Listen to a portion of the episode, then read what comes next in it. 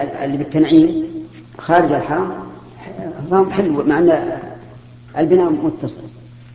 باب من أشار إلى الركن إذا أتى عليه. حدثنا محمد بن المثنى قال حدثنا عبد الوهاب قال حدثنا خالد عن عكرمة عن ابن عباس رضي الله عنهما قال طاف النبي صلى الله عليه وسلم بالبيت على بعير كلما أتى على الركن أشار إليه. باب التكبير عند الركن. كلما أتى الركن يدل على أن الركن الإيماني لا لا يشار إليه. فالركن الإيماني ليس فيه تقبيل وليس فيه إشارة عند العجز عن الاستلام. ما فيه إلا استلام إن تيسر وبدون تكبير وإن لم يتيسر يمشي الإنسان على على عادته. باب التكبير عند الركن. حدثنا مسدد قال حدثنا خالد بن عبد الله قال حدثنا خالد الحذاء عن عكرمة عن ابن عباس رضي الله عنهما قال طاف النبي صلى الله عليه وسلم بالبيت على بعير كلما أتى الركن أشار إليه بشيء أشار إليه بشيء كان عنده وكبر. نعم. شوف الترجمة قوله باب التكبير عند الركن أورد فيه حديث ابن عباس المذكور وزاد أشار إليه بشيء كان عنده وكبر. والمراد بالشيء المحجن الذي تقدم في الرواية الماضية قبل بابين وفيه استحباب التكبير عند الركن الأسود في كل طوافه. قوله تابعه إبراهيم بن الطهمان عن خالد يعني في التكبير وأشار بذلك إلى أن رواية عبد الوهاب عن خالد المذكورة المذكورة في الباب الذي قبله الخالية عن التكبير لا تقدح في زيادة خالد بن عبد الله لمتابعة إبراهيم. وقد وصل طريق وقد وصل طريق إبراهيم في كتاب الطلاق وسيأتي الكلام في طواف المريض راكبا في بابه إن شاء الله تعالى. نعم دحمين بارك الله فيك. بالنسبة للإشارة إلى الحجر إلى الحجر الأسود نعم. هل يلزم الوقوف؟ ما يلزم. لكن ورد حديث عن عمر لأنه فيه ضعف. أن النبي صلى الله عليه وسلم قال له إن وجدت فرجة فاستلم وإلا فلا تزاحم. تستقبله وكبر. بالنسبة للمشير قد يغير الاتجاه وهو أي إذا وقف لابد لابد لابد من استقبال الحجر. سواء وقفت ولا وأنت ماشي نعم. شيخ في بعض الأحيان عندما يرى الإنسان في الطواف البدعة التي تحصل يعني يكون في قلبه احتقار لهؤلاء ويعني قد تشمئز نفسه وقد يأتي إليه العذر. فهذا الاحتقار في قول النبي صلى الله عليه وسلم بحسب امرئ من الشر أن يحقر أخاه المسلم. أولا يجب عليك أن تعلم أن المخالفين للشريعة لك فيهم نظران. النظر الأول نظر شرعي فتلومهم وتنكر عليهم. والثاني نظر قدري فترحمهم وترق عليهم. وتحمد الله الذي عافاك من ابتلاهم به. لأن هذا حقيقة. رجل مثلا كاهل قوي يأتي ببدع عظيمة ترق له مسكين هذا. ابتلي بهذه البلوى. ولهذا لنا نظران في كل معصية بدعة قولية أو فعلية أو قلبية لنا نظران. النظر الأول شرعي ننكر والنظر الثاني قدري نرحم. ولكن القدري لا يزاحم الشرع الشرع مقدم. ولهذا لما قال الإمام الشافعي رحمه الله حكمي في أهل الكلام أن يضربوا بالجريد والنعال ويطاف بهم في العشائر ويقال هذا جزاء من ترك الكتاب والسنة وأقبل على علم الكلام. هذا كلام الشافعي في أهل الكلام. قال الشيخ الإسلام وهم مستحقون لما قاله الشافعي. يعني هذا التعزير. ولكنك إذا نظرت إليهم بعين القدر رحمتهم وراقبت لهم. وهذا هو العدل. أما أن تتخذهم سخريا بشيء ابتلوا به للجهل أو التقصير فهذا لا ينبغي. وربما يصيبك ما جاء في الأثر من عير أخاه بذنب لم يمت حتى يعمله. نعم. ذكرنا البارحة في قول النبي صلى الله عليه وسلم أن يطوف على الدابة. وحملنا هذا على التعليم أن النبي صلى الله عليه وعلى آله وسلم يعلم الناس. والعلماء لهم قولين في هذا المسألة ما ظهر وجه المنع يا شيخ؟ المنع إنك إذا صرت على على بعير لم تطف في الواقع. ولا وليس منك حركة. أي الدابة هي اللي تحرك له احتمالات له احتمالات. سمعتها في في فتح الباب. باب من طاف بالبيت إذا قدم مكة قبل أن يرجع إلى بيته ثم صلى ركعتين ثم خرج إلى الصفا. حدثنا أصبغ عن ابن وهب قال أخبرني عمرو عن محمد بن عبد الرحمن ذكرت لعروة قال فأخبرتني عائشة رضي الله عنها أن أول شيء بدأ به حين قدم النبي صلى الله عليه وسلم أنه طاف أنه توضأ ثم طاف ثم لم تكن عمرة ثم حج أبو بكر وعمر رضي الله عنهما مثله ثم حججت مع أبي الزبير رضي الله عنه فأول شيء بدأ به الطواف ثم رأيت المهاجرين والأنصار يفعلونه وقد أخبرتني أمي أنها أهلت هي وأختها والزبير وفلان وفلان بعمرة فلما مسحوا الركن حلوا. وهذا واضح أنك تبدأ أول ما تبدأ بالنسك لأنك ما أتيت إلى مكة إلا لهذا. والنبي صلى الله عليه وآله وسلم أناخ بعيره عند باب عند باب المسجد ثم طاف. لكن في الوقت الحاضر هذا متعذر أو متعسر. لأنه لا يمكن إيقاف السيارات حول آه، المسجد. فلا بد أن تذهب إلى محلك وتنزل متاعك ثم تأتي عاد بما يتيسر بما يتيسر لك ولا يكلف الله نفسا إلا وسعها. كانوا بالأول أدركناهم تقف السيارات عند المسعى والمسعى قبل أن يبنى هذا البناء. كان المسعى الأول آه، سوق تجارة دكاكين وبيع وشراء. نعم ما في أحد. فكان السيارات تقف عند المسعى وعليها العفش كل شيء. فيدخل الإنسان ويقضي عمرته ثم يرجع يركب سيارته يذهب إلى بيته. لكن لو هذا صعب جدا. نعم. حدثنا إبراهيم بن المنذر قال حدثنا أبو ضمرة أنس قال حدثنا موسى بن عقبة عن نافع عن عبد الله بن عمر رضي الله عنهما أن رسول الله صلى الله عليه وسلم كان إذا طاف في الحج أو العمرة أول ما يقدم سعى ثلاثة أطواف ومشى أربعة ثم سجد سجدتين ثم يطوف بين الصفا والمروة. حدثنا إبراهيم بن المنذر قال حدثنا أنس بن عياض عن عبيد الله عن نافع عن ابن عمر رضي الله عنهما أن النبي صلى الله عليه وسلم كان إذا طاف بالبيت الطواف الأول يخب ثلاثة أطواف ويمشي أربعة وأنه كان يسعى بطن المسيل إذا طاف بين الصفا والمروة. بطن المسيل يعني الوادي الذي عليه الآن علامة. الأعمدة الخضراء هي علامة ابتداء آه، السعي. والسعي يكون بشدة إذا تيسر حتى كان النبي صلى الله عليه وسلم من شدة سعيه تدور به إزاره وسبب ذلك أن أصل السعي من أجل سعي أم إسماعيل. أم إسماعيل أنزلها إبراهيم الخليل عليه السلام هي وابنها في مكان عند الكعبة الآن. ثم ذهب وجعل عندهما قربة ماء وجراب تمر. نفد التمر والماء وعطشت الأم. ولازم ذلك أن, أن ينقص لبنه. فجاء الولد وجعل يتلوى من الجوع. والأم ليس عندها أحد. فرأت أقرب جبل إليها هو الصفا ذهبت إليه صعدت. قعدت يعني تحسس تسمع. ما رأت أحدا ولا سمعت أحدا نزلت متجهة إلى الجبل الثاني المقابل وهو المروة. لما هبطت في بطن الوادي غابت عن ولدها. فجعلت تسعى سعيا شديدا.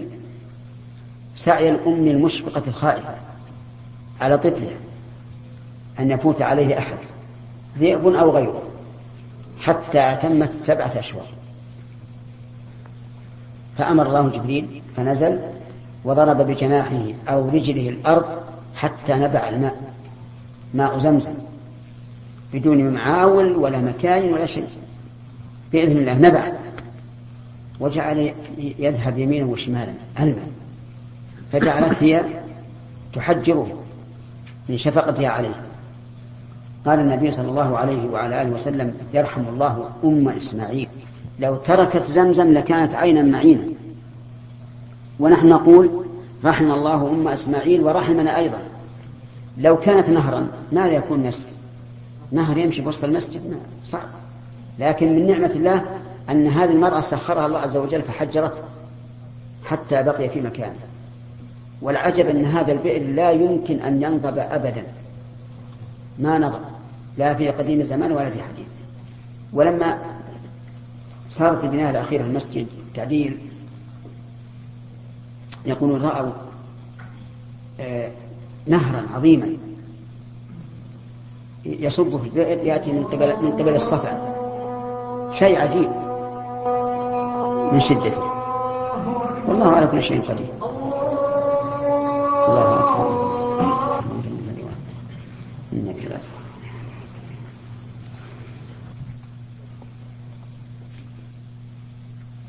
وقوله رضي الله عنه كان يسعى بطن المسجد.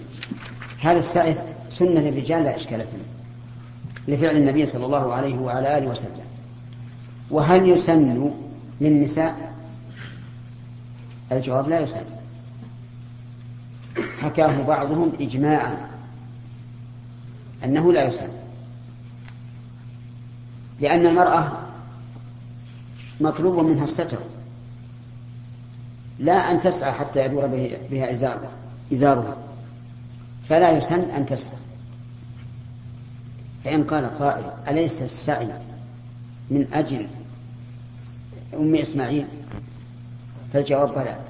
لكن أم إسماعيل كانت تسعى لا وليس عندها أحد. والآن لا يمكن أن تسعى المرأة إلا عندها أحد. لو فرض أن المسعى خلا من الرجال مطلقا ليس فيه أحد. فقد يقول قائل إنها تسعى المرأة ترك يعني. لكن الآن لا يمكن. وكذلك صعودها الصفا والمروة لا يستحب. حكاه بعض العلماء إجماعا أيضا. لأن الصعود يظهر منها أكثر مما لو كانت على الأرض. فلا يسن لها أن تصعد. وحينئذ يسقط عنها سنتان. سنة السعي وسنة الصعود كما سقط عنها سنة سنة الرمل في الطواف فإنها لا ترمي في الطواف. نعم. وليد.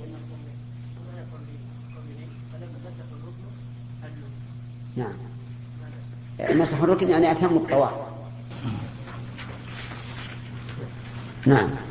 صلى الله عليه في في بعض الأيام يكون المسعى في الدور الأول فرض ما في أحد. نعم. هل يسلي المرأة أن تصعد فوق وتسعى؟ يكون هذا أفضل أو تسعى؟ مع لا, لا الأولى سد الباب. الأولى ألا تسعى. نعم. شيخ الدار الثاني يكون يكون مستوي على الأرض. فما المرأة ما يعني ما ما في مكان مصعد زي مصعد كذا أي نعم. يعني كل هذا منتهى السعي أو الواجب حد الجدار جدار الدائري هذا. حد من ميال المسعى هو هو الحد. يعني مو لازم تدور عليه. لأن حد المسعى الأصلي يجب حد الشباك الموضوع للعربيات. فمن وقف على حده من جهة المروة أو الصفا فقد استكمل السعي باب طواف النساء مع الرجال. وقال عمرو بن علي حدثنا أبو عاصم قال ابن جريج أخبرني عطاء إذ منع ابن هشام النساء الطواف مع الرجال. قال كيف يمنعهن وقد طاف نساء النبي صلى الله عليه وسلم مع الرجال؟ قلت أبعد الحجاب أو قبل؟ قال إيل عمري لقد أدركته بعد الحجاب. قلت كيف يخالطن الرجال؟ قال لم يكن يخالطن. كانت عائشة رضي الله عنها تطوف حجرة من الرجال لا تخالطهم. فقالت امرأة انطلقي نستلم يا أم المؤمنين. قالت انطلقي عنك وأبت يخرجن متنبئ بالليل فيطفن مع الرجال. ولكن ولكنهن كن إذا دخلن البيت قمن حتى حتى يدخلن وأخرج الرجال. وكنت آتي عائشة أنا وعبيد بن عمير وهي مجاورة في جوف ثبير. قلت وما حجابها؟ قال هي في قبة تركية لها غشاء. وما بيننا وبينها غير ذلك ورأيت عليها درعا موردا. طواف النساء مع الرجال لا بأس به ولا يمكن منعه خصوصا في أوقاتنا هذه لأن كل امرأة مع محرمها. ولو منعت الرجال آه، منع النساء من الاختلاط بالرجال لضاعت النساء وحصل من الشر أكثر. ولكن لو جعلنا كما تفعل عائشة حجرة يعني بعيدات عن الرجال لكان هذا طيب طيب. وكانوا هنا يفعلونه في الأيام التي ليس فيها زحام شديد. يجعلون النساء على أجانب وهو عمل طيب. وأما أن تمنع النساء ويقال لهن لا لا تطفن إلا في الليل مثلا فهذا صعب. وفي وقتنا هذا الأمر أصعب. لو قلنا أن الرجال وحدهن والنساء وحدهن لحصل فتنة كبيرة. كل إنسان يستطيع أن يصيد المرأة بدون من يعارضه. ولكن على الإنسان أن يتقي الله عز وجل ويتجنب زحام النساء بقدر المستطاع. وعلى المرأة أيضا أن تنتبه لأولئك الفجار الذين يتصيدون النساء في المطاف والعياذ بالله وتجد الرجل تثق بها من أول الطواف إلى آخر الطواف. نسأل الله العافية. وكم ضبط من, من, من قضية. وفي هذا أيضا لما إذ منع ابن هشام النساء أن يطوفوا أن الطواف مع الرجال قال كنت كيف يمنعهن وقد طاف نساء النبي. في هذا دين على الاحتجاج بالفعل أي فعل الصحابة لا سيما مع النبي صلى الله عليه وعلى آله وسلم. فإن الفعل في زمن الرسول صلى الله عليه وسلم إذا لم ينكره الرسول ولا ولا الله عز وجل فإنه يعتبر جائزا إن كان من المب... من من غير العبادة ومشروعا إن كان من العبادات. تقرأ علينا إذ منع ابن هشام. قوله قال الحافظ رحمه الله تعالى قوله إذ منع ابن هشام هو إبراهيم أو أخوه محمد بن هشام ابن إسماعيل بن هشام ابن الوليد بن المغيرة ابن عبد الله بن عمرو بن مخزوم المخزومي وكان خالي هشام بن عبد الملك فولى محمدا إمرة مكة وولى أخاه إبراهيم بن هشام إمرة المدينة وفوض هشام لإبراهيم إمرة الحج بالناس في خلافته. فلهذا قلت يحتمل أن يكون المراد فلهذا قلت يحتمل أن يكون المراد. ثم عذبهما يوسف بن عمر الثقفي حتى مات في محنته في أول ولاية الوليد بن يزيد بن عبد الملك. بأمره سنة خمس وعشرين ومائة. قاله خليفة بن خياط في تاريخه وظاهر هذا أن ابن هشام أول من منع ذلك. أول. نعم وظاهر هذا أن ابن هشام أول من منع ذلك. لكن روى الفاكهي من طريق زائدة عن إبراهيم النخعي قال نهى عمر أن يطوف الرجال مع النساء.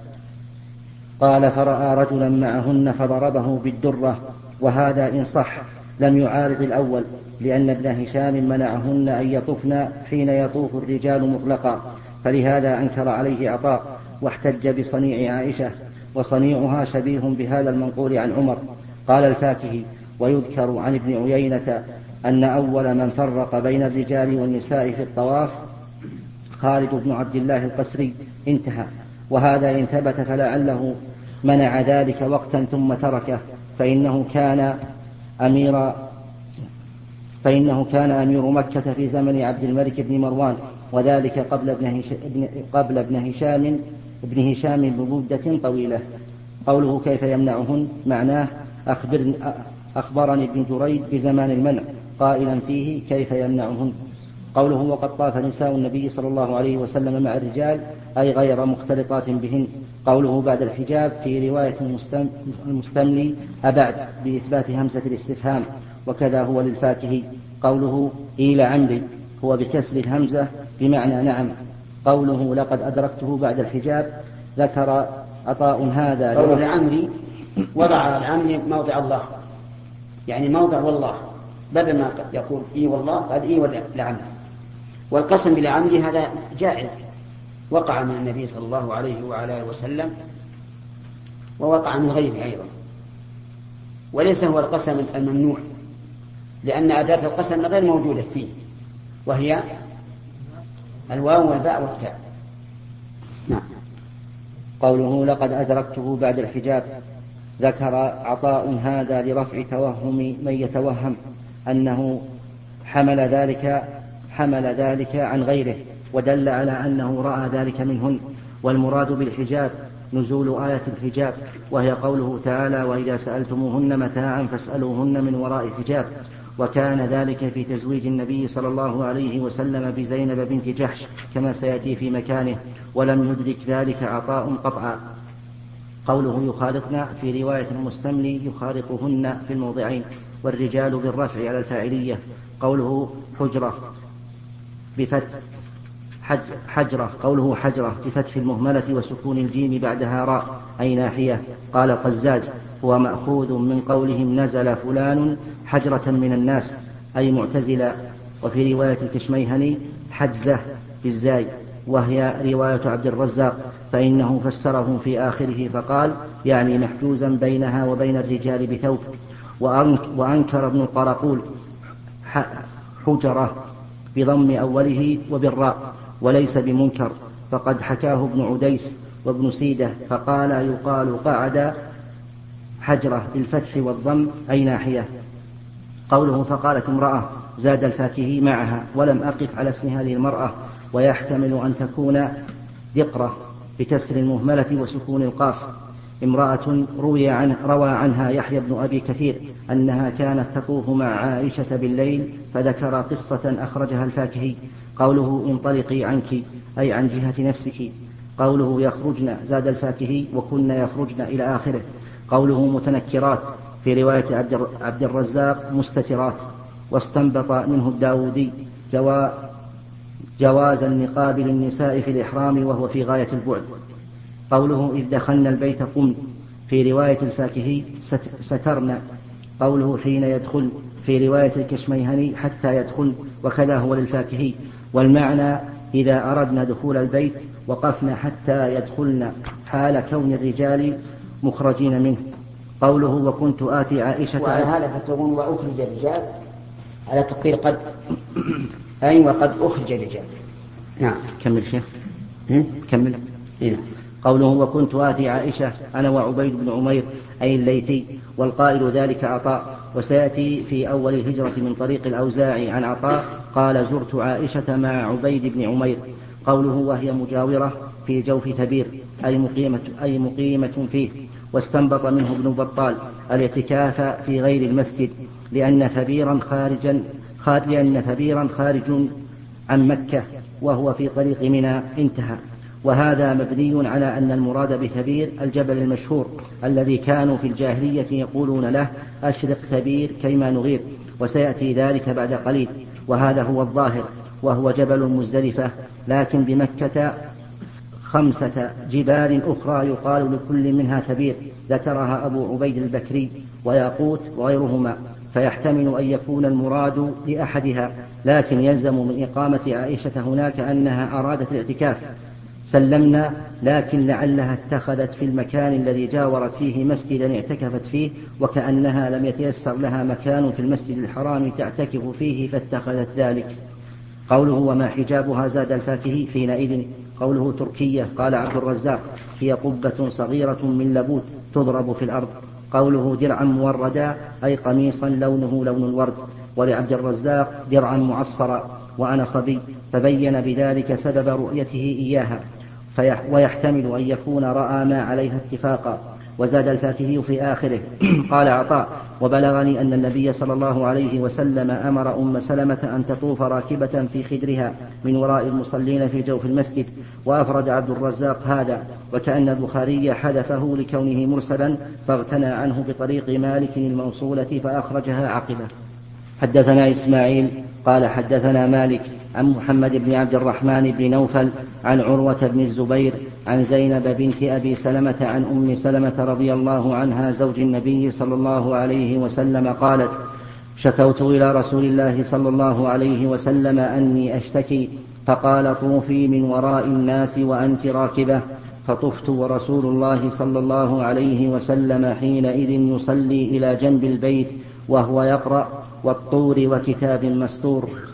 هذا طواف الوداع لأن وكان يقرأ وكتاب مستور في صلاة الفجر بعد أن طاف للوداع دخل وقت الفجر صلى الفجر ثم ركب إلى المدينة.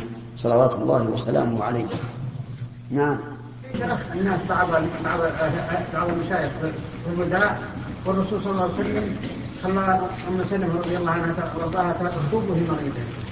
ما له وجه ليس له وجه. نعم. أحسن الله إليك. يحج بعض الناس معه امرأة من محارمه أو نساء ومعهم نساء أجنبيات يحدد أن المرأة إذا رجل إذا معه نساء من محارمه يحل أن يصحب أن يصحبها يعني امرأة أجنبية أو نساء أجنبيات معه. فيحجون كلهم سويا يكون معهم مجلس سوي والحج والطواف كله كما كان. وعلى مذهبهم يعني العلماء يفتونهم على أن آه، الاختلاط حرم وسيلة لغيره وما حرم وسيلة لغيره تبيه الحاجة. هل هذا الاستدلال صحيح؟ لا حديث الرجل الذي قال إن امرأتي خرجت حاجة خلوا معنا دائما. النبي صلى الله عليه وعلى آله وسلم لم يستفصل مع دعاء الحاجة إلى استفصال. الرجل مكتوب في الغزوة. خل هذا أمامك دائما نعم. نعم. من الحديث أن المرأة لا تجب عليه صلاة الجماعة ولو كان في المسجد. نعم. وهو كذلك. باب الكلام في الطواف. حدثنا إبراهيم بن موسى قال حدثنا هشام أن ابن جريج أخبرهم قال أخبرني سليمان الأحول أن طاووسا أخبره عن ابن عباس رضي الله عنهما أن النبي صلى الله عليه وسلم مر وهو يطوف بالكعبة بإنسان ربط يده إلى إنسان بسير أو بخيط أو بشيء غير ذلك فقطعه النبي صلى الله عليه وسلم بيده ثم قال قده بيده. في هذا دليل على حكمة النبي صلى الله عليه وسلم حيث يحصل المطلوب بلا ضرر. هذان رجلان يطوفان قد ربط أحدهما يده إلى يد الآخر بسيء أو بحبل أو بأي شيء فقطعه النبي صلى الله عليه وسلم. وقال قده بيدك.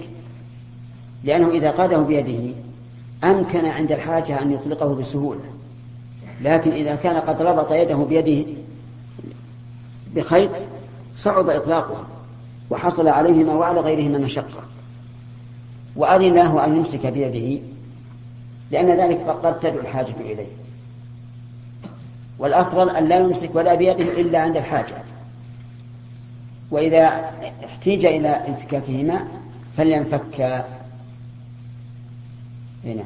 وفي والشاهد من هذا قوله قده بيده. فقد تكلم النبي صلى الله عليه وعلى آله وسلم وهو يطوف. نعم. هل نرى يعني جماعات اللي يحجون بشكل جماعي يربطن النساء بحبل حتى لا يضعن النساء في الطواف أو في السعي. فهل مثل هذا ينهين عن هذا الشيء؟ نعم ينهون عن هذا.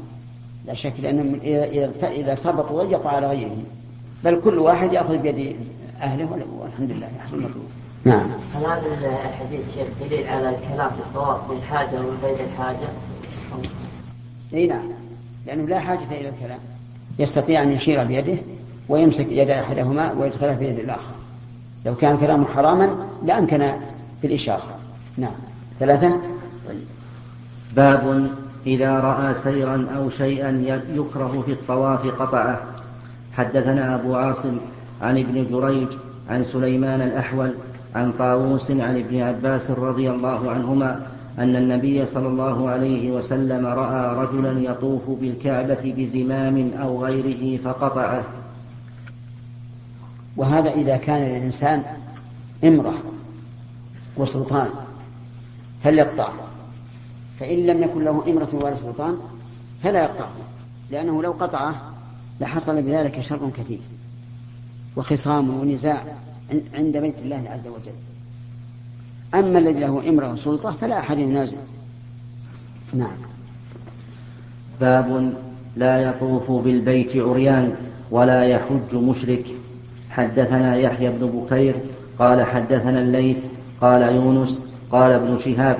حدثني حميد بن عبد الرحمن أن أبا هريرة أخبره أن أبا بكر الصديق رضي الله عنه بعثه في الحجة التي أمره عليها رسول الله صلى الله عليه وسلم قبل حجة الوداع يوم النحر في رهط يؤذن في الناس ألا لا يحج بعد العام مشرك ولا يطوف بالبيت عريان؟ لا يطوف بعريان وهذا أمر منكر شرعا وعرفا ومروءة ولكن لو كان فيه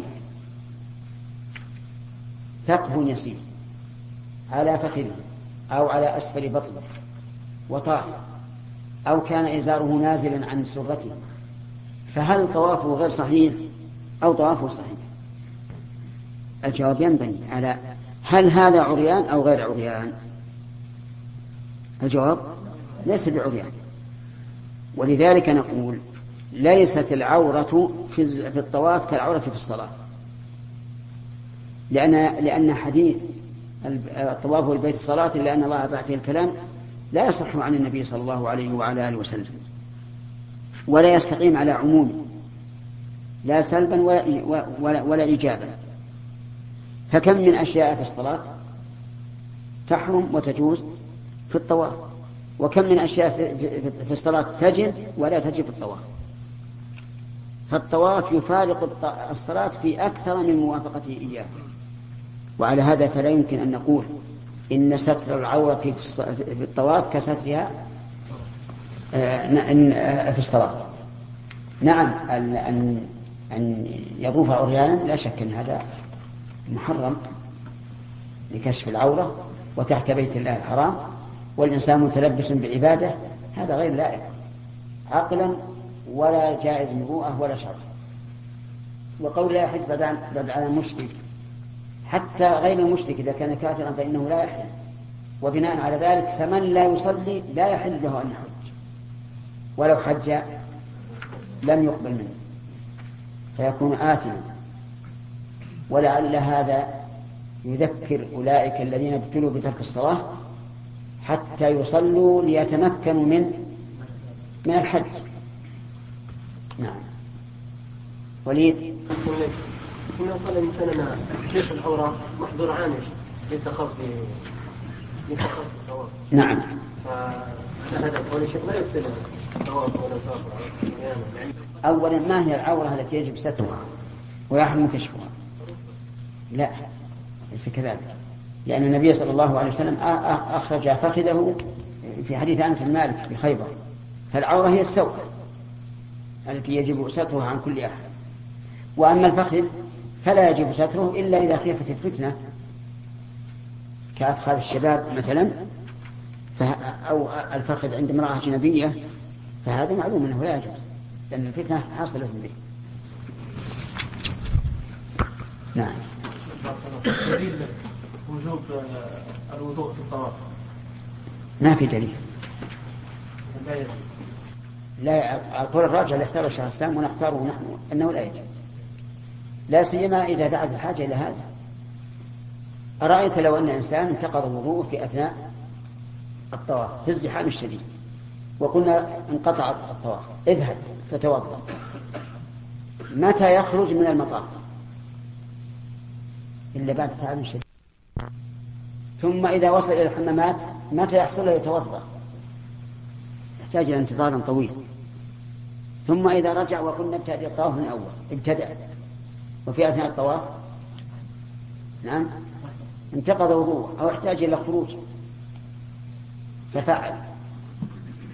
بكل مشقة خرج من المسجد. وبطول زمان انتظر الحمامات.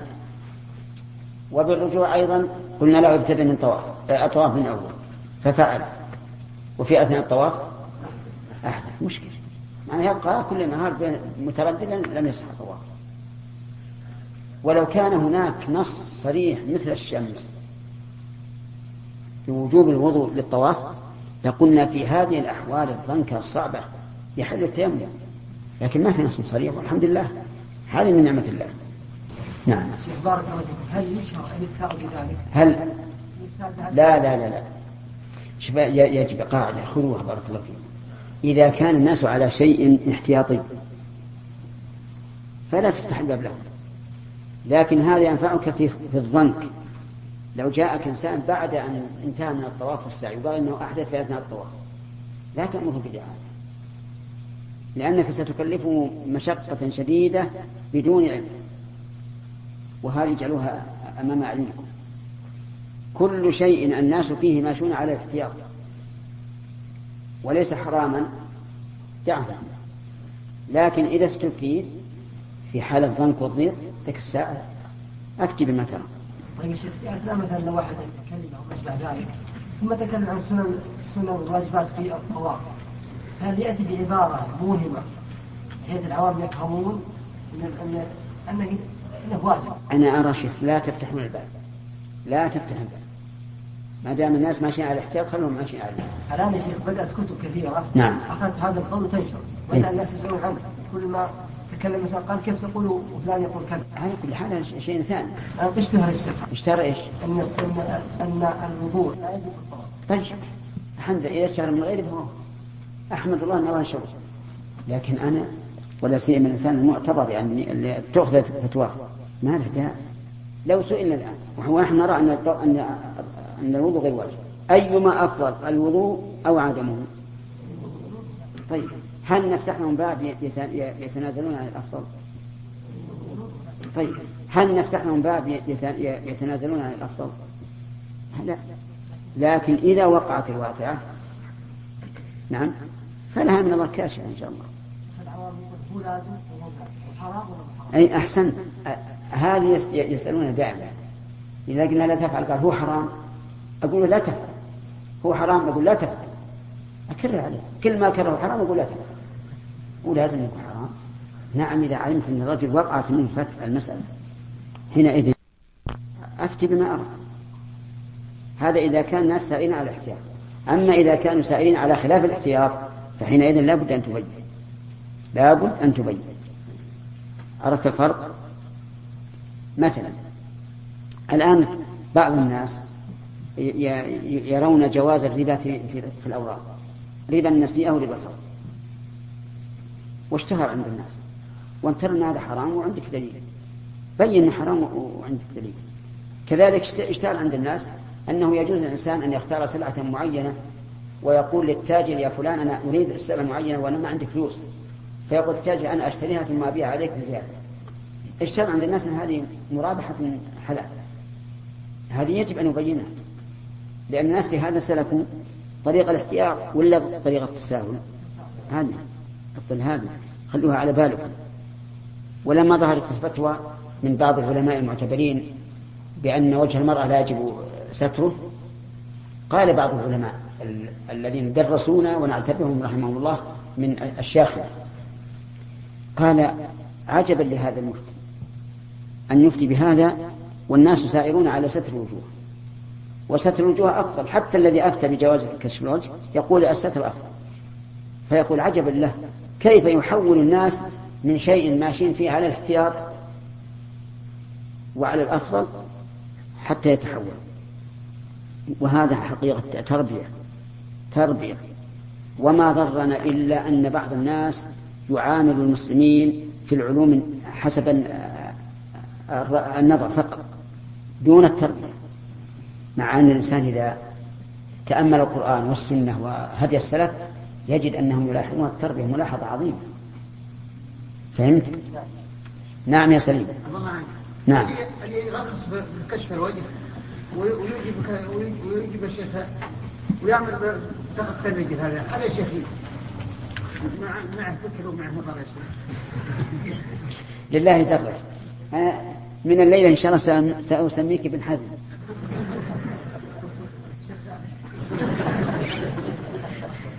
وش إيش؟ أقول ليش شدات يعني ليش؟ إيه إيه. شدات هذا غير قياسي لكن عاد. إلا اردت شدة جمع وجمع شدات على كل حال طيب أنا مع الاخ سليم في أن سبحان الله كيف يعقل أن نقول للمرأة اكشفي هذا الوجه الجميل الجذاب؟ نعم. واستري الرجل. الرجل القبيحة اللي شفتها تقلق ربع. نعم ونقول استريها وهذا الوجه الجميل اللي كالبدر ا- ا- إكشف. من يقول هذا؟ يعني هل يمكن تأتي الشريعة بهذا؟ والله لا تأتي. لا تأتي. أكبر استنادهم على حديث ضعيف. أو على رأي ابن عباس رضي الله عنه.